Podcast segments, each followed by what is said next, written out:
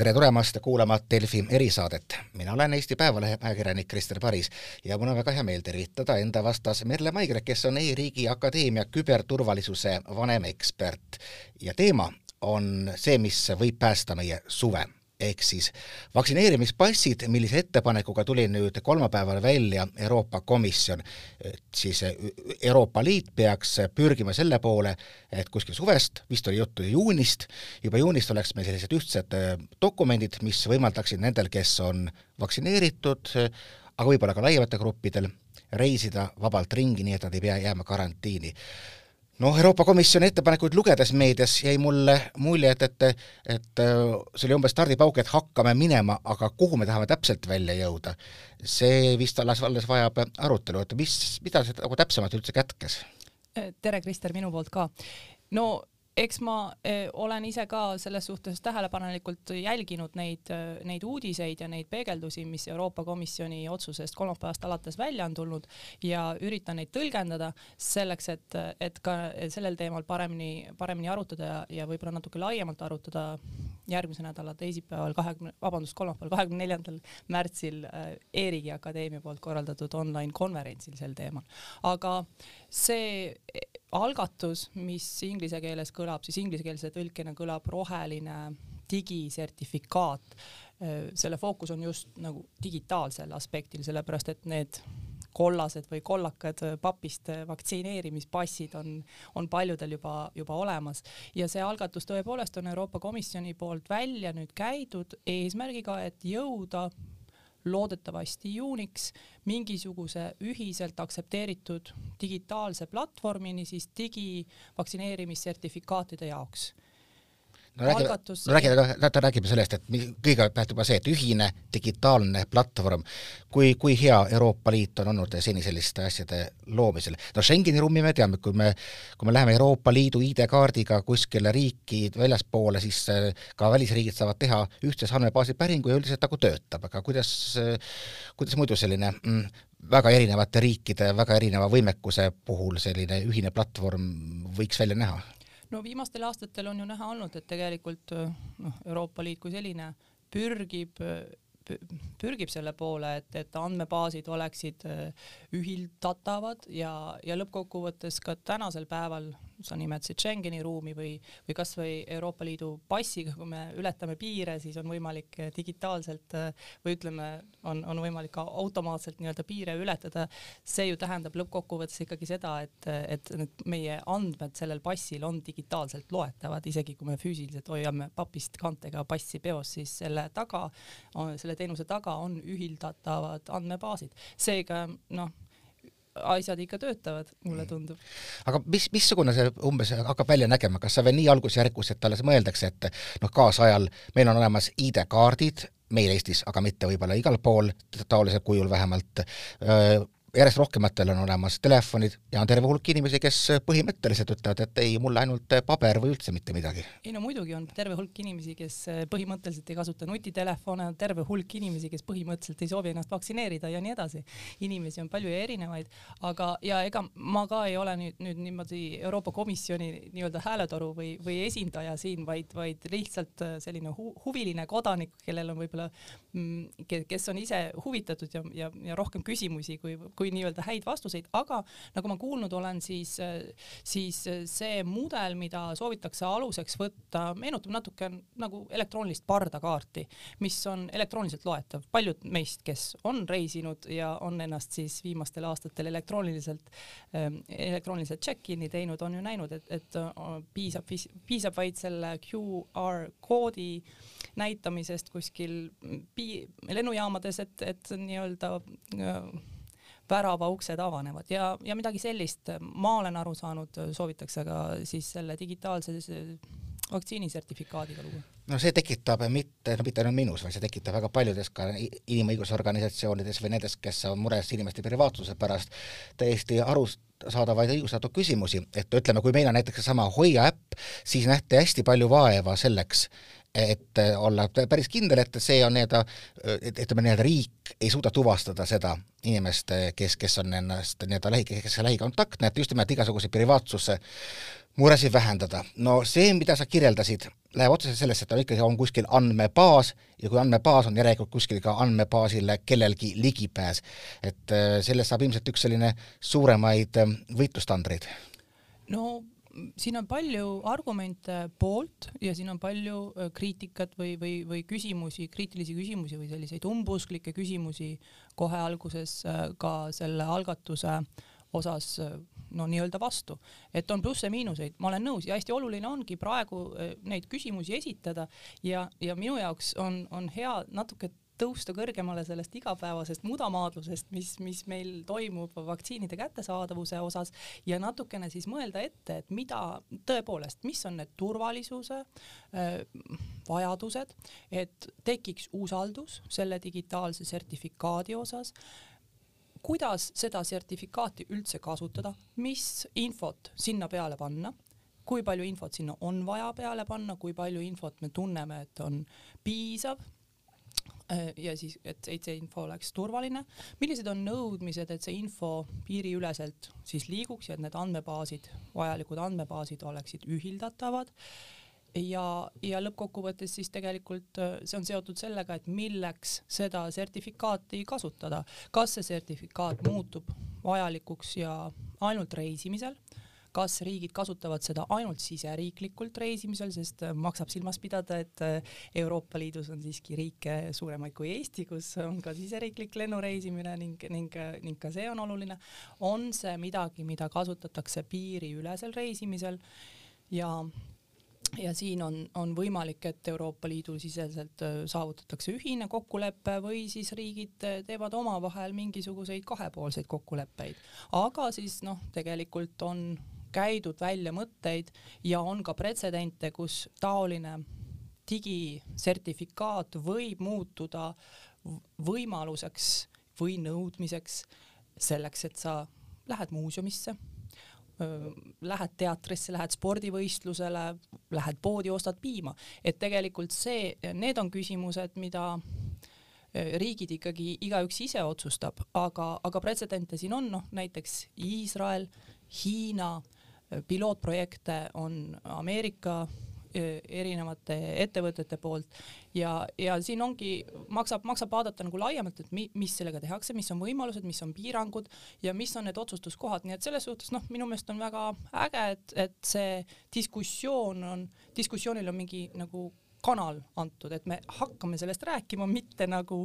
nagu näiteks ka vaktsineerimise andmebaasidega me jõuame selle teadmiseni, et neid on vaja siis, kui vaktsiinid äh, koju või, või nagu koduriiki jõuavad. no just nimelt ja mõned riigid, ma saan aru, et sõltumata sellest, mida teeb Euroopa Liit, nagu sa mainisid, et on vaja kas või siseriiklikult, on kavatsenud sellega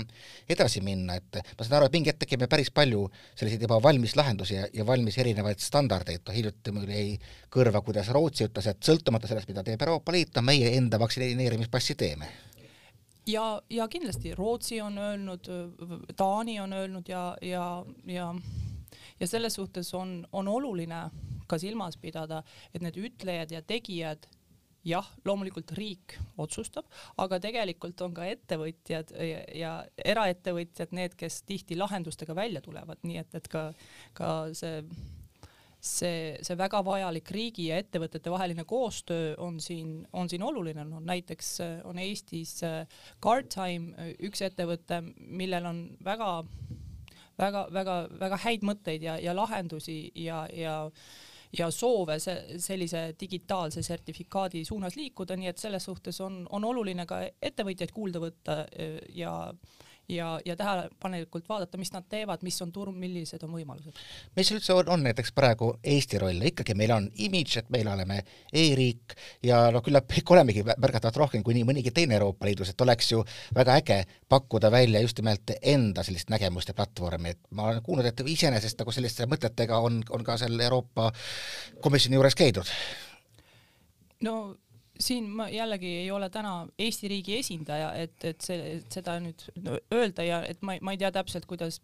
millis, millise häälega või mida ütleb Eesti siis Brüsselis nendes olulistes formaatides, aga mina täna oma, oma positsioonilt E-riigi akadeemiast saan anda kaasa või saan panustada sellele, et me arutame sel teemal ja, ja sellepärast eh, see motiveeriski mind siis korraldama järgmisel nädalal seda diskussiooni E-riigi akadeemias, kus me püüame ko kokku tuua just nimelt kõik noh, need hääled, mida me näeme, et, et selles algatuses olulised on Euroopa Komisjon, Maailma Tervisehoiuorganisatsioon, eh, aga ka riikide esindajad. Samas olulised ähm, mängijad siin on veel äh, haiglad kui siis äh, need teenusepakkujad ja need, kes, kes Äh, kes peavad seda andmes, seda, seda informatsiooni ka sise, sisendit andma, äh, ettevõtted, kellel on lahendusi ja lõppkokkuvõttes ka patsiendid või siis inimesed, see lõpptarbija ja lõppkasutaja, kel, kelle hääl on ka oluline. just, aga noh, mõndagi, millest nad kõnelema hakkavad ja neid teemapüstitusi me võime juba praegu päris hästi ka, ette näha, no näiteks üheks teemaks on, on, kohe on turvalisus. et ka Iisraelis ma lugesin, et kui need äpid tulid, et noh, põhimõtteliselt see ikkagi on sees turvaaugud, mängud, et nii, nii, nii nagu sa saad endale osta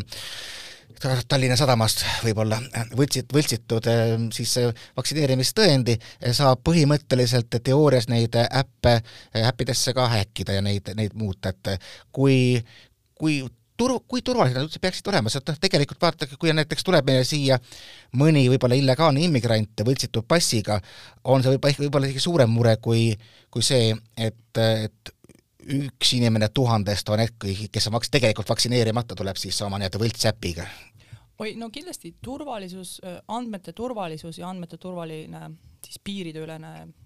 vahetamine, see, millistest kohtadest andmeid sellele digisertifikaati peaks kokku jõudma, kuidas tuvastada, kes on need turvalised punktid siis, kes, kes vaktsine-, kes on vaktsineerijad, kui palju, kuidas nad seda vaktsineerimise infot sinna sertifikaati edastavad, kaasa arvatud noh, on kõlanud ka mõte, et lisaks äh, vaktsineerimisele peaks see sertifikaat sisaldama võib-olla infot selle kohta, ähm, millised olid, kas, kas siis, et no see on küsimärgiga, et kas allergilised reaktsioonid, läbipõetud haigus, ähm, terveks tunnistatud inimene ja, ja kõik see ja loomulikult see peab olema turvaline selleks, et tekiks usaldus selle sertifikaadi vastu. see on selles suhtes Eesti ökosüsteemis minu meelest väga tänuväärselt äh, laialt levinud arusaam, et kõik teenused, mida e-riik välja käib, vähemalt ideaalis peavad olema ka turvalised, vähemalt Eestis me, me ei vaidle selle üle, küsimus võib olla, et noh, et kas, kas see ideaal äh, on, on saavutatud paremini või, või vähem, vähem hästi, aga, aga me kõik teame, et, et turvalisus on väga oluline komponent. aga kindlasti on selles diskussioonis veel elemente, mis ka lähevad rohkem sellisesse, noh, teadusvaldkonda, näiteks on ka väga tihedalt selle sertifikaadi toimimisega seotud küsimused, mida on praegu peale siis kolmapäevast Euroopa Komisjoni otsust, millele on meditsiiniteadlased, et, et kui palju me üldse teame, kui kauaks vaktsiinid kaitset annavad, milliseid vaktsiine sellele Euroopa Komisjoni sertifikaadile lubada. Sputnikut, no just. et kui osad Euroopa riigid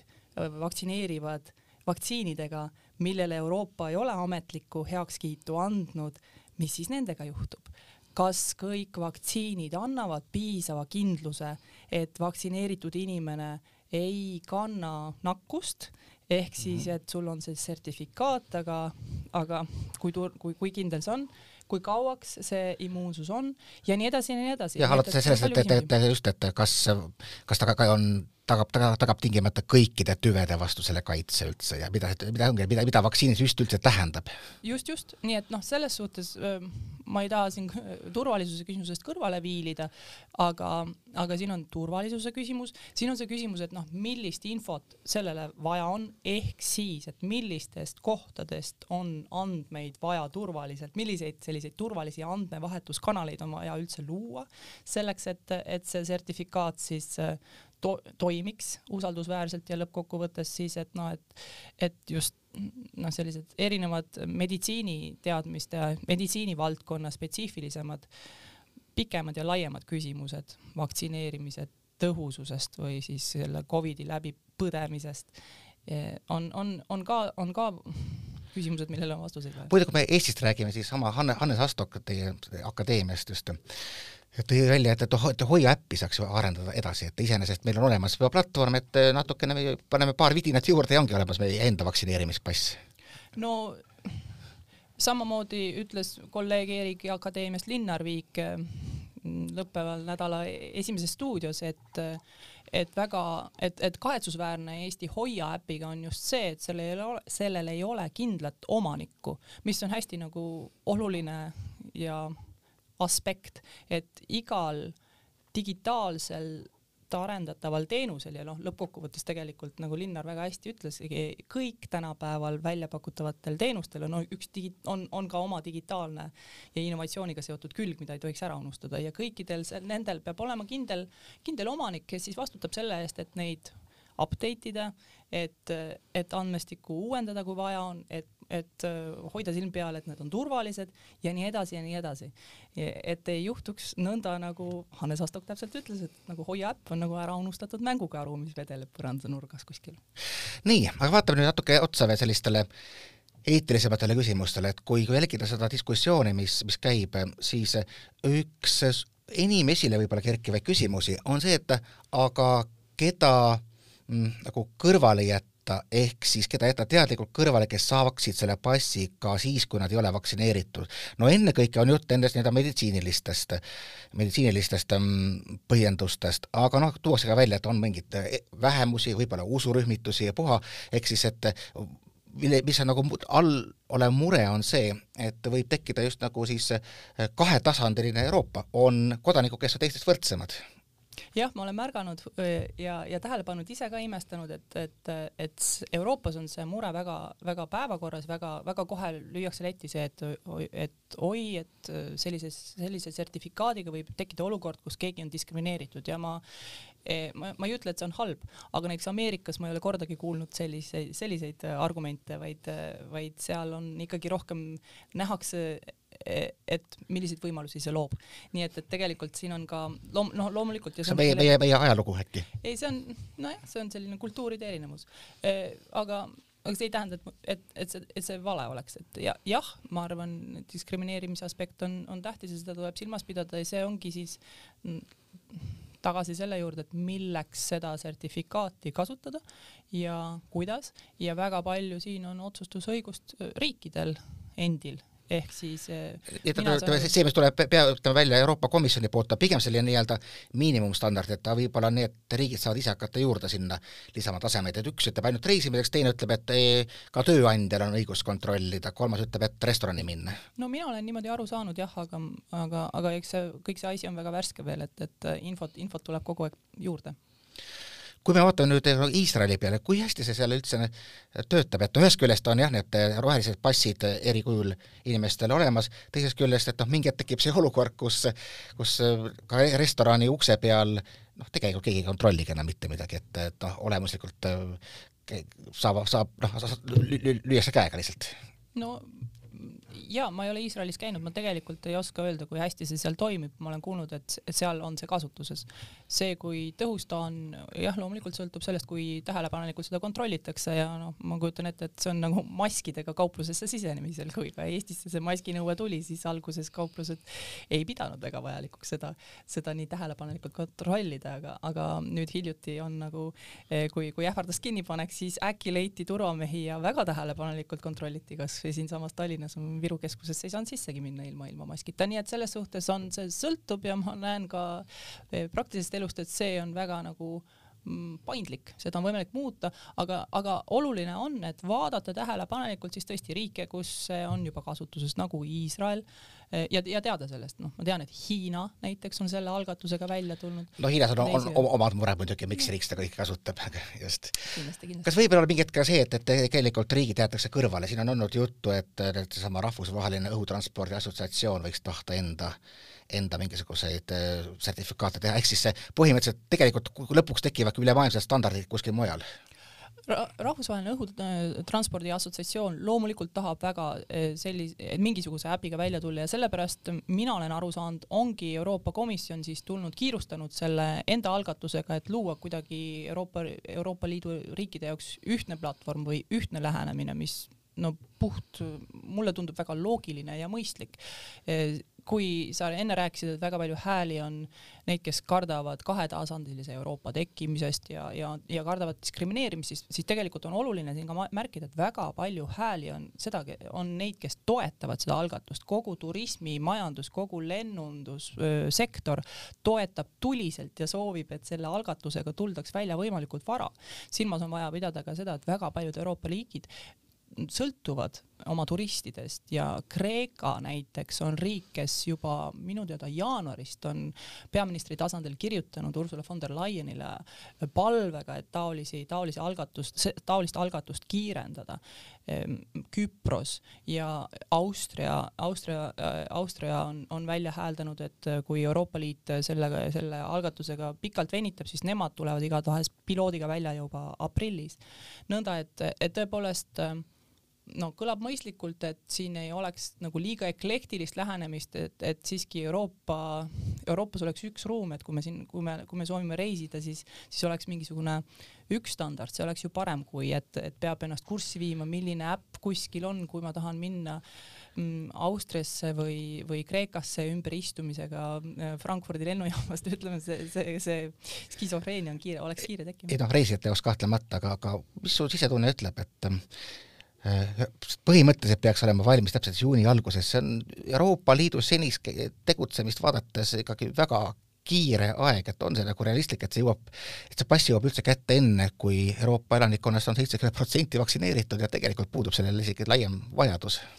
ei no nõus ja need on argumendid, mida on, mida on välja käinud ka näiteks selline riik nagu Saksamaa, kes ütleb, et nende jaoks ei ole see teema praegu aktuaalne, sellepärast et vaktsineerimistempo on väga aeglane.